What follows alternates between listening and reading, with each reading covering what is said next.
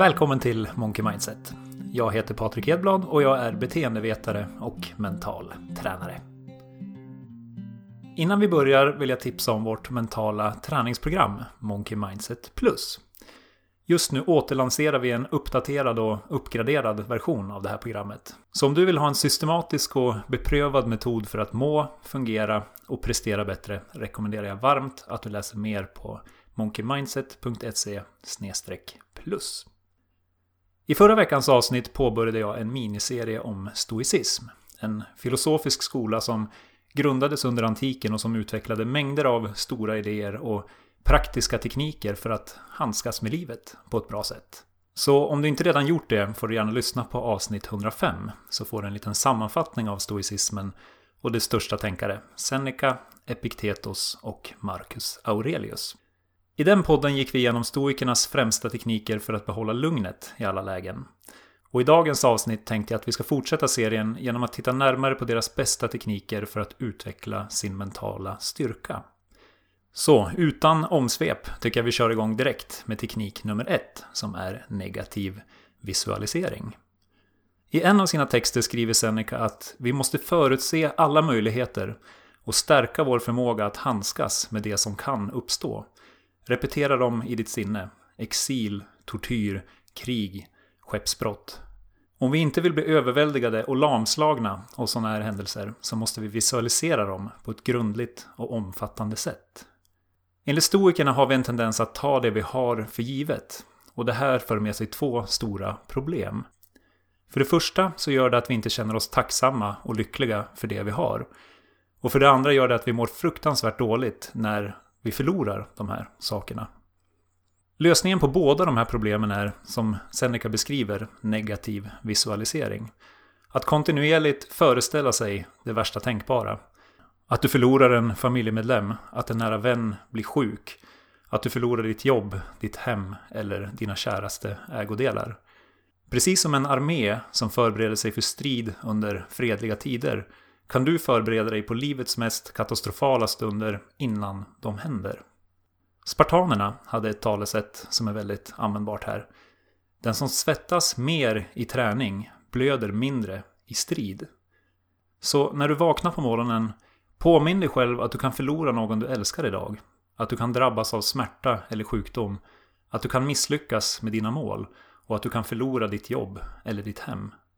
Det här kommer att förbereda dig för livets svåraste stunder och dessutom öka din tacksamhet för det du har. Nästa stoiska teknik för orubblig mental styrka kan vi kalla för frivilliga svårigheter.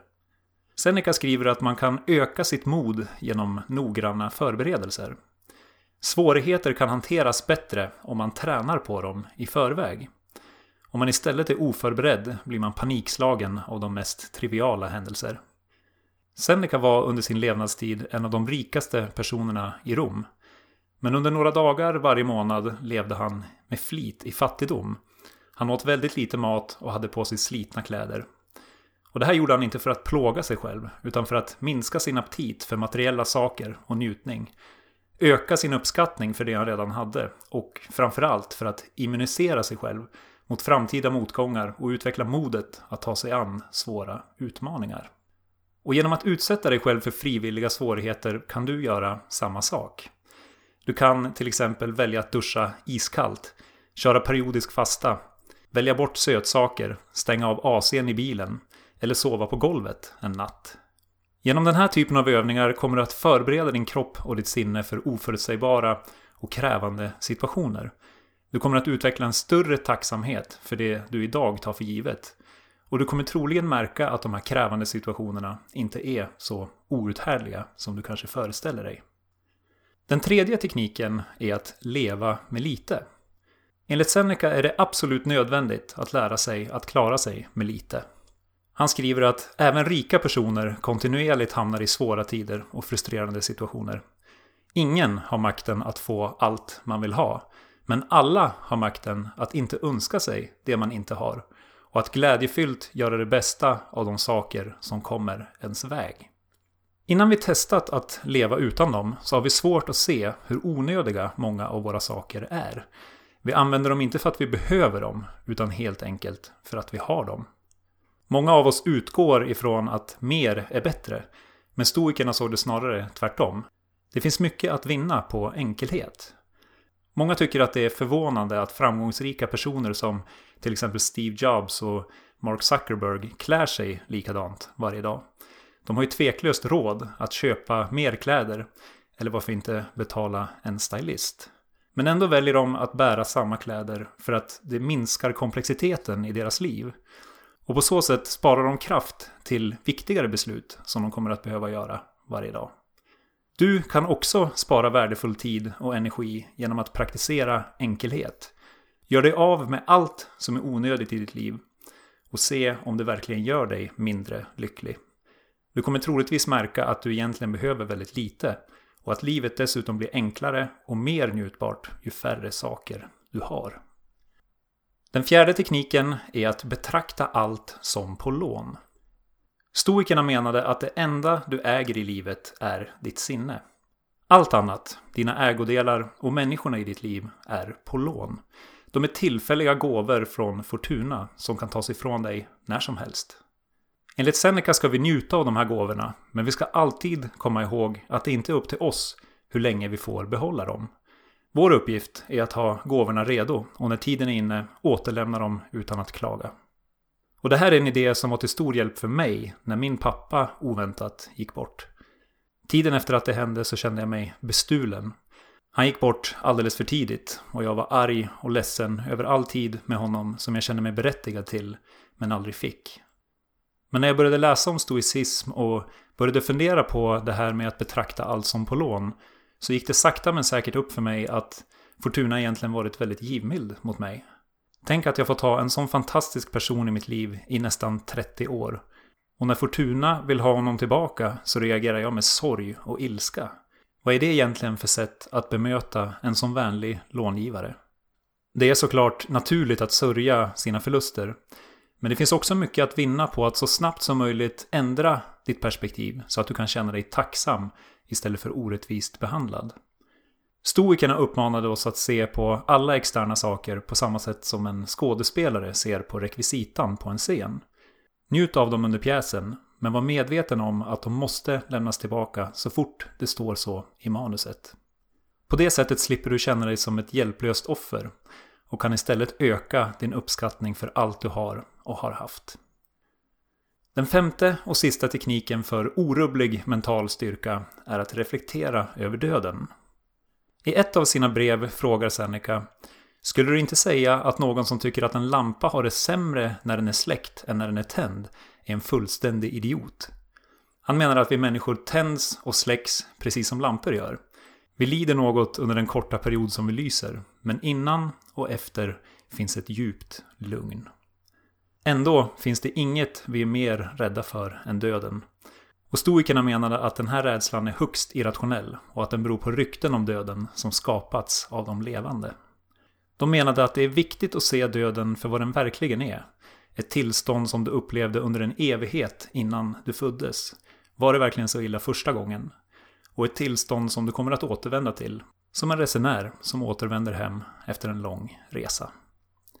Den här övningen kallas för memento mori en latinsk fras som betyder kom ihåg att du är dödlig. Istället för att förtränga döden och låtsas som att den inte finns, reflektera kontinuerligt över den och påminn dig själv att den kan komma när som helst. Det är mycket viktigare att leva ett bra liv än att leva ett långt liv.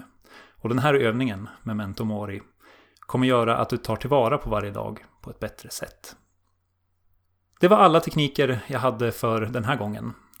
Jag hoppas du tyckte det här avsnittet var intressant, även om de här stoiska tankegångarna har en tendens att bli lite tunga och allvarsamma emellanåt. Precis som jag påpekade i förra podden så får du ut överlägset mest av de här teknikerna om du praktiserar dem i ditt eget liv. Så jag tänkte avsluta även det här avsnittet med en utmaning. Välj ut en av teknikerna vi gått igenom och testa den under den kommande veckan. Jag avslutar med en liten sammanfattning här så blir det enkelt för dig att välja. Teknikerna vi gick igenom i det här avsnittet var 1. Negativ visualisering. När du vaknar på morgonen, påminn dig själv att du kan förlora någon du älskar idag. Att du kan drabbas av smärta eller sjukdom.